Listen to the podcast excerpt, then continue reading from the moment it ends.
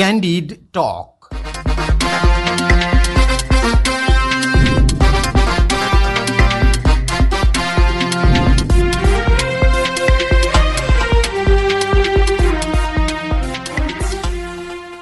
नमस्कार। कार्यक्रम क्यान्डिड टकमा तपाईँलाई स्वागत छ। म विष्णु विवेक विश्वकर्मा।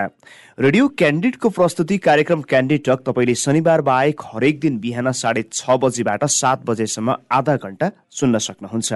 समसामयिक विषयमा कुराकानी हुने यो कार्यक्रम तपाईँले काठमाडौँ उपत्यका र आसपासका जिल्लामा ninety two point seven radio क्यान्डिडको Facebook page Hamro Patro radio क्यान्डिडको apps र पोडकास्टमा समेत सुन्न सक्नुहुन्छ।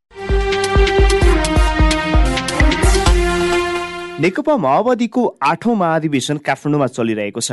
माओवादी शान्ति प्रक्रियामा आएपछि काठमाडौँमा चलिरहेको आठौं महाधिवेशन दोस्रो महाधिवेशन हो। यसअघि हेटौँडामा माओवादी शान्ति प्रक्रिया आएपछिको पहिलो महाधिवेशन थियो जहाँ माओवादीका क्रान्तिकारी नेताहरूबीच घनीभूत रूपमा छलफल र बहस हुन्थ्यो। तर मोहन वैद्य बाबुराम भट्टराई बादल लगायतका नेताहरूले पार्टी छाडेपछि अहिले माओवादी पार्टी प्रचण्डको निजी कम्पनी जस्तै बनेको टिप्पणी हुन थालेको छ। देशभर माओवादी नेता कार्यकर्ताको संख्या घट्दै गएको छ भने चुनावमा पनि गणतन्त्र ल्याउने पार्टीको अवस्था कमजोर बनेको राजनीतिक विश्लेषकहरूको भनाइ छ। प्रचण्ड मात्रै सर्वोच्च नेता मानिएको आठौँ महाधिवेशनबारे पुराना र वैज्ञानिक नेता समेत मानिने नेकपा माओवादीका नेता गणेश शाहसँग आजको कार्यक्रममा हामी छलफल गर्दैछौँ। यहाँलाई स्वागत छ गणेश शाहज्यू। धन्यवाद। दुई हजार पैँसठी सालमा जति बेला प्रचण्ड गणतन्त्र नेपालको पहिलो प्रधानमन्त्री हुन्थ्यो तपाईँ विज्ञान मन्त्री हुनुहुन्छ त्यति बेला। वैज्ञानिक हिसाबले हेर्दा पार्टी वैज्ञानिक बन्यो कि यो चरम संशोधनवादी माओवादीकै शब्दमा प्रचण्डकै शब्दमा यो सकिने मेसरमा पुग्यो। तपाईँलाई चिन्ता चाहिँ कतिको लागिरहेछ? होइन मलाई के लाग्छ भने अब तपाईँले भन्नुभयो नि म अब प्रचण्डजीको पहिले गणतन्त्रको क्याबिनेटको चाहिँ वातावरण विज्ञान प्रविधि मन्त्री हो।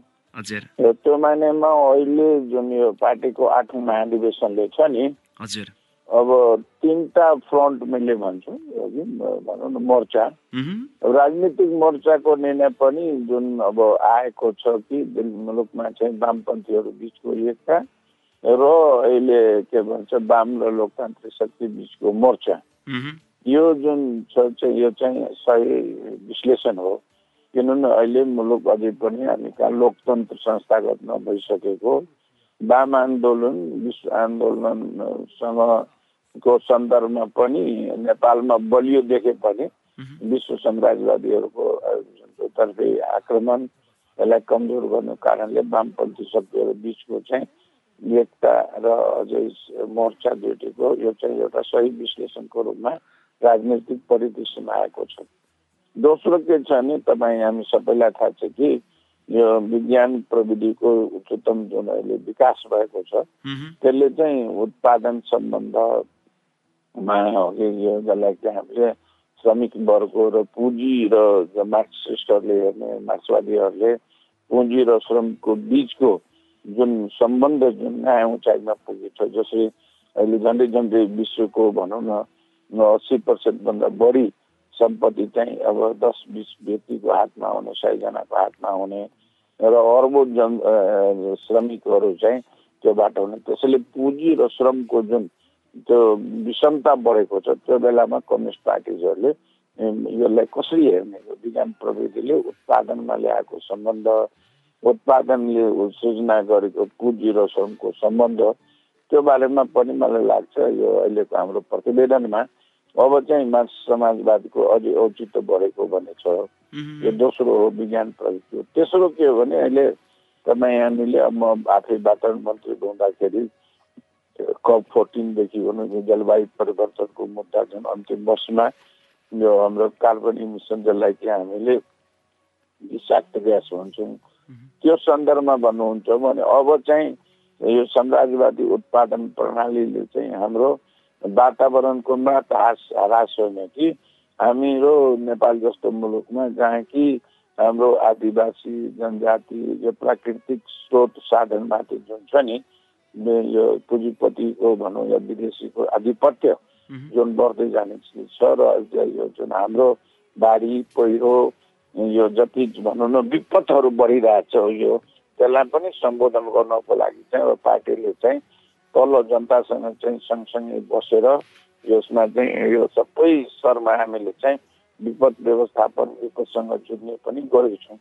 यो मानेर मैले भन्नु पर्दाखेरि के लाग्छ भने अहिले यो पार्टीको नेकपा माओवादी यो पार्टीको जुन आठौँ महाधिवेशन छ त्यसले चाहिँ नेपाली राजनीतिको नेपालको अर्थतन्त्रको नेपालको सामाजिक अवस्थाको र आगामी दिनमा आउने जुन यो चुनौतीहरू छ त्यसलाई चाहिँ सम्बोधन गर्ने चाहिँ प्रयास गरेको छ। यसमा यसमा म आइहाल्छु गणेश तपाईँसँग छोटो सवाल जवाफ गरौँ न पहिला चाहिँ। जस्तो यसलाई अलि विज्ञानभन्दा अलिक पर रहेर खालि राजनीतिक विषयमा मात्रै हामीले कुराकानी गर्दा अहिले क्रान्तिकारी भनिएको असाध्यै क्रान्तिकारी उग्र क्रान्तिकारी जङ्गलमा लडेर आएको क्रान्तिकारी अझ भनौँ गणतन्त्र ल्याउने संहिता ल्याउने संविधान ल्याउने क्रान्तिकारी भनिएको माओवादी। अहिले यति विघ्न यो निरङ्कुश शैलीको यो यथास्थितिवादीको युवा नेताहरूलाई दबाउने खालको तपाईँहरू जस्ता बौद्धिक र वैज्ञानिक धार बोकेका नेताहरूलाई पनि अलिक परै राखेर खालि यो कार्यकर्तामा यो चाकडी मात्रै गर्ने नेताहरूको प्रशय चाहिँ किन भइरहेको छ मलाई लाग्छ त्यो चाहिँ अहिले दिन प्रतिदिन कम कमजोर हुँदैछ। किनभने हामीले अब आगामी दिनको जुन यदि पार्टीको संरचना हेर्ने हो भनेदेखि तपाईँले यसमा महिला युवा दलित दुर्गम क्षेत्र पिछडिएको वर्ग सबैको चाहिँ समानुपातिक प्रतिनिधित्व ल्याउने चाहिँ हामी चाहिँ जस्तै युवाले दबाउने हो भने कि युवाले त झन् हामी प्रोत्साहन गरेर हरेक क्षेत्रबाट चाहिँ भनौँ न महिला होस् या दलित होस् सबैलाई चाहिँ बिस पर्सेन्ट युवालाई चाहिँ हाम्रो चाहिँ नेतृत्वमा ल्याउनै पर्ने चाहिँ यो के भन्छ हाम्रो प्रावधान छ। होइन यसमा प्रावधान तपाईँहरूको प्रावधान यो यो यो महाधिवेशनमा प्रावधान मात्र नै देशमै त तपाईँले प्रावधान स्थापित गर्नुभयो सङ्घीयताको कुरा लिएर समावेशी प्रतिनिधित्वको कुरामा त माओवादीले चर्को स्वरले उठाएका एजेन्डा त लागु भएको छ तर पार्टीभित्रको आन्तरिक शोक सङ्घर्ष र लोकतन्त्रको कुरा चाहिँ यत्रो महाधिवेशन चल्ला विगत महाधिवेशन विगतका सम्मेलनहरू बैठक चल्दा असाध्यै धेरै वैचारिक बहस हुन्थ्यो। चर्काचर्की हुन्थ्यो बाहिर पनि त्यसरी आउँथ्यो। अहिले चाहिँ खालि प्रचण्डको निजी कम्पनी जस्तो मात्र पार्टी बन्दाखेरि तपाईँलाई अलिकति पनि चिन्ता लाग्दैन। होइन अब यसलाई यो रूपमा भन्यो के भने अहिले यो अब प्रचण्डजीले अब हिजोभन्दा बढी चाहिँ मलाई लाग्छ अहिले पार्टीभित्र चाहिँ लोकतान्त्रिककरण गर्नेको अभ्यास बढेको छ। कसरी? तपाईँले कसरी भने तपाईँले अहिले हामीले झन्डै झन्डै छ चारभन्दा बढी वडाहरूमा चाहिँ वडा सम्मेलन गरेर चाहिँ वडामा चाहिँ नयाँ नेतृत्वको विकास गरेछौँ। हामीले अहिले एउटा अर्को के छ भने नगर सम्मेलनहरू हामी गराउँछौँ सात सय भयो कि। त्यसैले प्रदेश सम्मेलन गर्छौँ। तपाईँले हेर्नुभयो भने कति प्रदेश सम्मेलनहरूमा चुनावहरू समेत भएका छन्। दुईटामा त अब हामीले महिला नेत्रीलाई नै अब प्रदेशको अध्यक्ष चाहिँ निर्वाचन गरेका छौँ कि निर्वाचन भन्दा पनि त्यो टिके प्रथा यसो तोकिदिएको?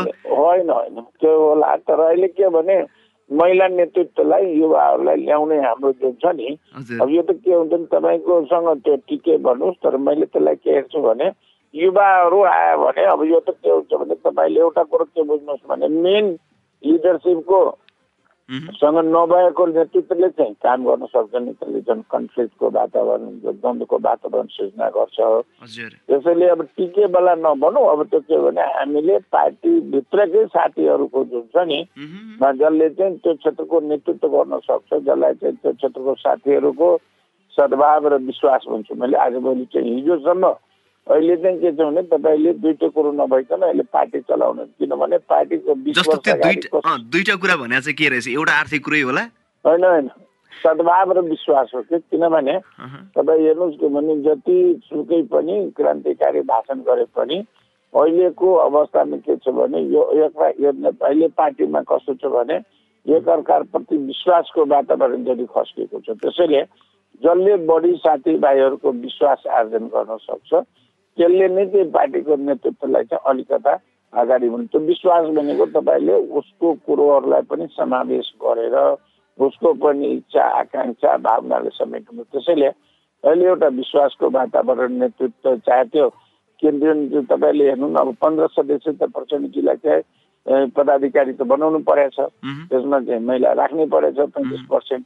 त्यसैले अब बिस्तारै चाहिँ नेतृत्वको यो महाधिवेशन पछि चाहिँ पार्टीभित्रको नेतृत्वमा चाहिँ व्यापक एउटा चाहिँ परिवर्तन मैले देखिरहेको छु। जस्तो अलिकति कुरा कारण यो अहिले प्रचण्ड हिजो पनि अध्यक्ष हुनुहुन्थ्यो अहिले पनि अध्यक्ष हुनुहुन्छ भोलि पनि उहाँ नै हुने लगभग लगभग पक्का पक्कै जस्तै छ। त्यसो भने यो तपाईँले विश्वासको र सद्भावको वातावरण बनेको खण्डमा मात्र नेतृत्व बन्छ पार्टी राम्रो बन्छ भन्दै गर्दा विगतमा जो असाध्यै उग्र क्रान्तिकारी अझ प्रचण्डलाई पनि उग्र क्रान्तिकारीतर्फ लैजाने मोहन वैद्यजीमा विश्वास र सद्भाव रहेन थिएन रहेछ। यता बाबुराम भट्टराईजी जो असाध्यै तपाईँहरूकै लाइनमा वैज्ञानिक धार बोक्नुभयो अलिकति आधुनिक शिक्षा प्रणालीको कुरा गर्नुभयो उहाँले अझ बढी यो ग्लोबल विश्वकै पोलिटिक्समा संश्लेषण गरेर नेकपा माओवादीलाई त्यति बेलाको युद्धकालीन माओवादीले शान्ति वार्ता मिलाउन पहल थाल्नुभयो। त्यसो भने उहाँहरूमा नेतृत्वमा कार्यकर्ताको विश्वास थिएन हो? त्यही भएर उहाँले पार्टी छोड्न बाध्य हुनुभयो।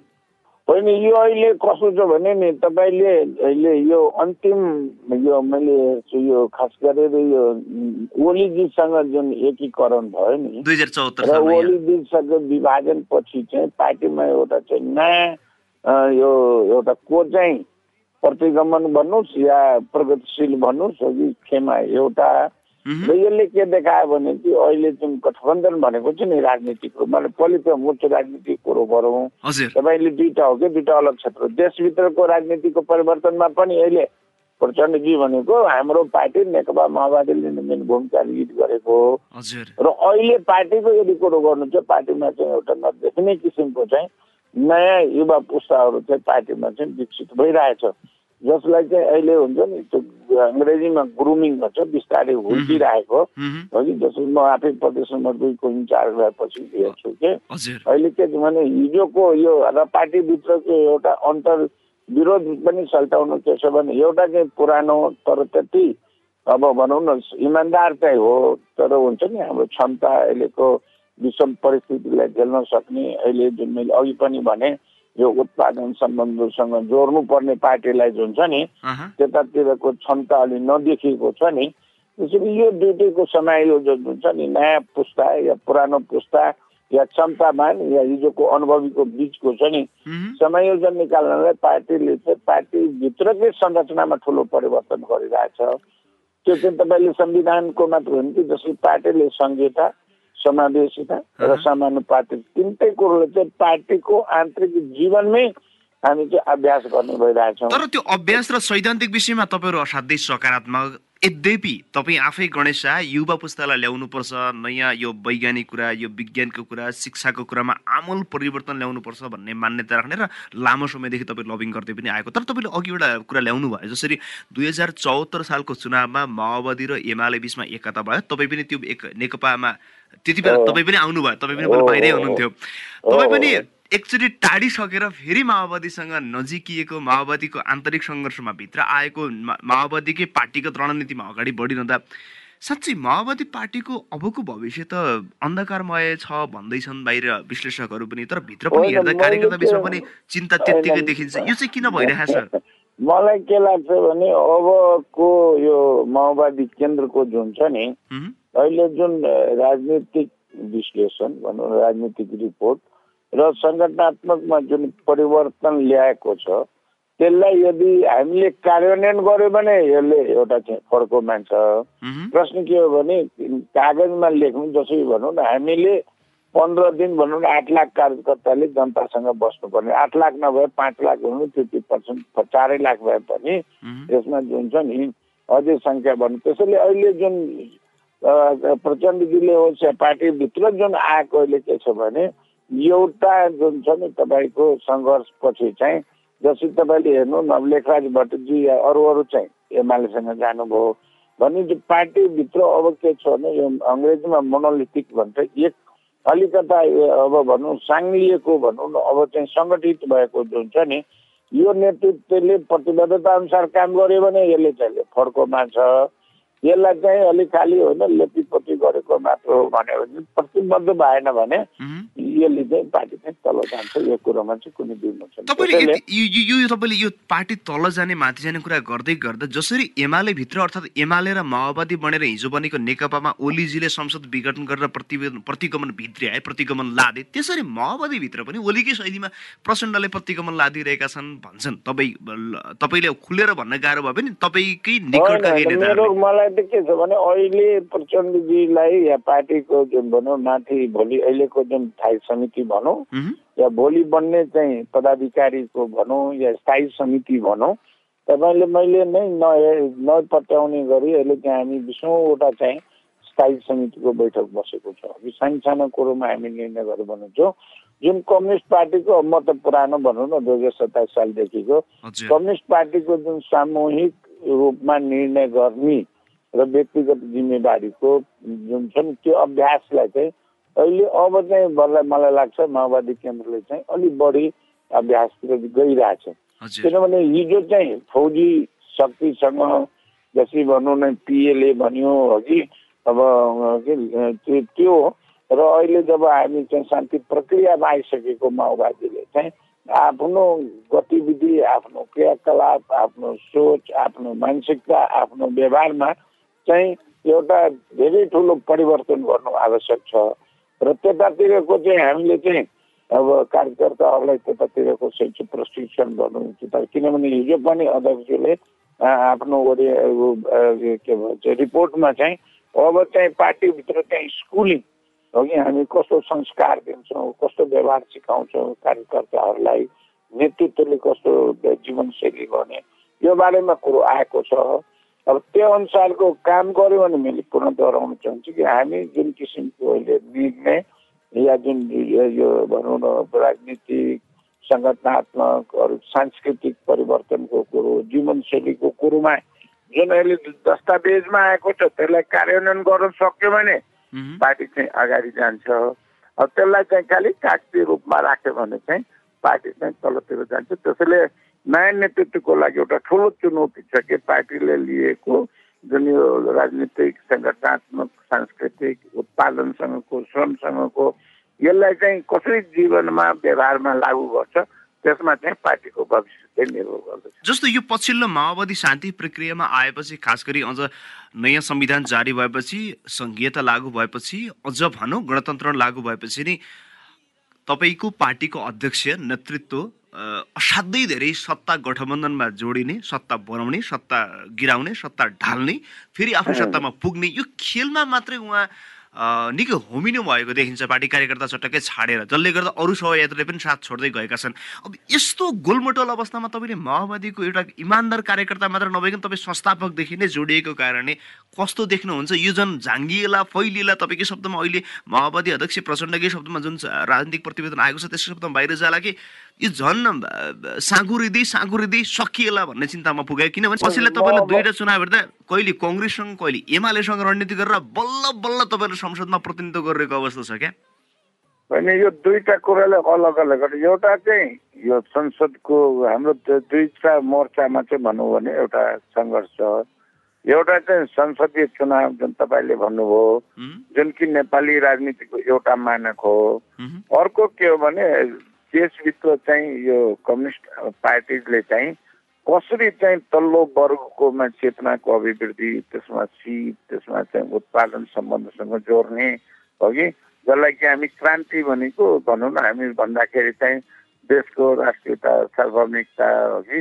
अब यो धेरै कुरोहरूसँग जोडिन्छ त्यो चाहिँ अब त्यसैले पार्टीलाई चाहिँ हामीले तिनवटा मुख्य रूपमा चाहिँ आगामी दिनमा चाहिँ कसरी बढाउने नेतृत्वमा तिन किसिमको नेतृत्व चाहिँ लिड गर्ने भने या त्यसलाई अगाडि बढाउनेछौँ एउटा त के छ भने पार्टीको चाहिँ राजनीतिक कुरोहरू भयो एउटा चाहिँ संसदको भयो चुनाव लड्ने त्यसैले कतिजना चाहिँ हाम्रो अहिले पनि केन्द्रीय समितिमा हुनु तर उहाँहरू चुनाव जित्नु अधि हुन्छ नि यो जनताको बिचमा बढी लोकप्रिय हुने।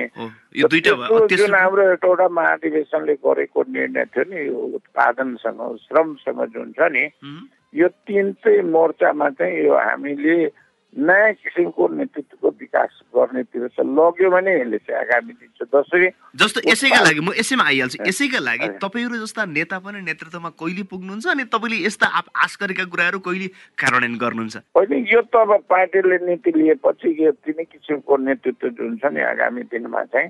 हामी चाहिँ विकसित भइरहेछ तर यो अहिले देखा परिरहेको छैन। जस्तै तपाईँले अब सरकारकैमा भनौँ भने सरकारले अलिकता यो गरिब पक्ष भनौँ या जनपक्ष भन्ने निर्णयहरू गरिरहेछ। हामीले कार्यकर्ताहरूलाई प्रशिक्षणहरू गरेर चाहिँ अगाडि मानसिक रूपमा चाहिँ त्यतातिर तयारी गरिरहेछौँ।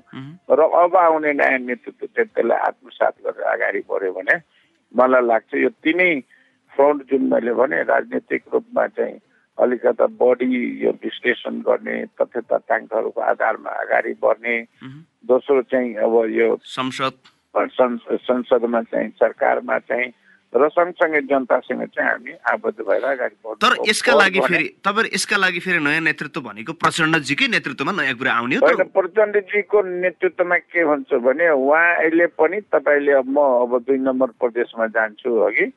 त्यो उहाँको लोकप्रियता घटेको छैन। उहाँप्रतिको आकर्षण उहाँप्रतिको त्यो भरोसा टुटेको छैन भन्न खोज्नु होइन होइन। तपाईँले मैले यो मैले अब भित्री गाउँमा पनि मैले जसै यो यो तिन महिना भनौँ न मैले उहाँले सर्लाही महोत्तरी रोतोटहरू भ्रमण गर्दाखेरि अहिले पनि हजारौँ भनौँ न आम नागरिक चाहिँ प्रचण्डजीसँगको कुरो सुन्नलाई यो चाहिँ प्रतिगमनको विरोधको खास गरी तपाईँले थाहा छ कि ओलीको विरोधकोमा अब त्यो प्रचण्डजीले नेतृत्व गरेको र त्यो व्यक्तिको कुरो सुन्नलाई चाहिँ अझै पनि आकर्षण चाहिँ छ जस्तो लाग्छ मैले जति मैले भिड देखेको छु मान्छेहरूले हुन्छ नि।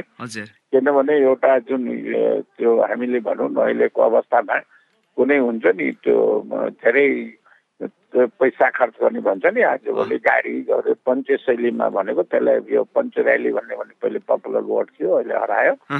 त्योभन्दा पनि अहिले पनि त्यो एउटा स्तरको चाहिँ आम जनतामा चाहिँ यो के भन्छ भने प्रचण्डजी नै यो राजनीतिक रूपमा प्रतिगमनको विरुद्धमा लडेको भनेको नि एउटा सन्देश छ। अब दोस्रो के छ भने अझै पनि यो तल्लो वर्गको जुन यो समानुपातिक जुन छ नि यसले तपाईँले के हेर्नुहोस् भने यो तिनवटा चुनावहरू भएपछि जुन आयो नि समानुपातिकमा हजारौँ महिलाहरू चाहिँ अब भनौँ न उप प्रमुख भए दलितहरूको प्रतिनिधित्व। भयो यो राजनीतिक सशक्तिकरण जुन छ नि यो गणतन्त्र आएपछि समानुपातिक र समावेशी ल्याउने चाहिँ प्रचण्डजी बुझ्दै गए मान्छेले। अब चाहिँ त्यो जता भए पनि उहाँले आज के भन्नुहुन्छ त्यो आकर्षण त छँदैछ। र अर्को के हो भने अहिले चाहिँ अब एक लाइनमा अब टुङ्ग्याउँदाखेरि। एक लाइनमा के हो भने नेपालको नेकपा माओवादीको महाधिवेशन यो ठुलो राजनीतिक पार्टीहरूको अन्तिम राजनीतिक सम्मेलन हो। यो सम्मेलनले नेपाली जनतालाई निराशाबाट चाहिँ आशाको सन्देश दिन सक्छ जस्तो मलाई लाग्छ। त्यति भन्न चाहन्छु। धन्यवाद। समयका लागि धेरै धन्यवाद। ल धेरै धेरै धन्यवाद। उहाँ हुनुहुन्थ्यो माओवादी केन्द्रका बौद्धिक नेता गणेश शाह। आठौँ महाधिवेशन र यसको वर्तमान अवस्था एवं सम्भावित कार्यदिशाका बारेमा कुराकानी गर्दै। अवस्था आजलाई क्यान्डिडक यति नै। भोलि फेरि नयाँ र फरक विषयमा कुराकानी गर्नेछौ। प्रविधि संयोजनका लागि सशिन्द्र गौतम र सिर्जना भुजेललाई धन्यवाद दिँदै म विष्णु विवेक विश्वकर्मा पनि बिदा हुन्छु। नमस्कार। Candid talk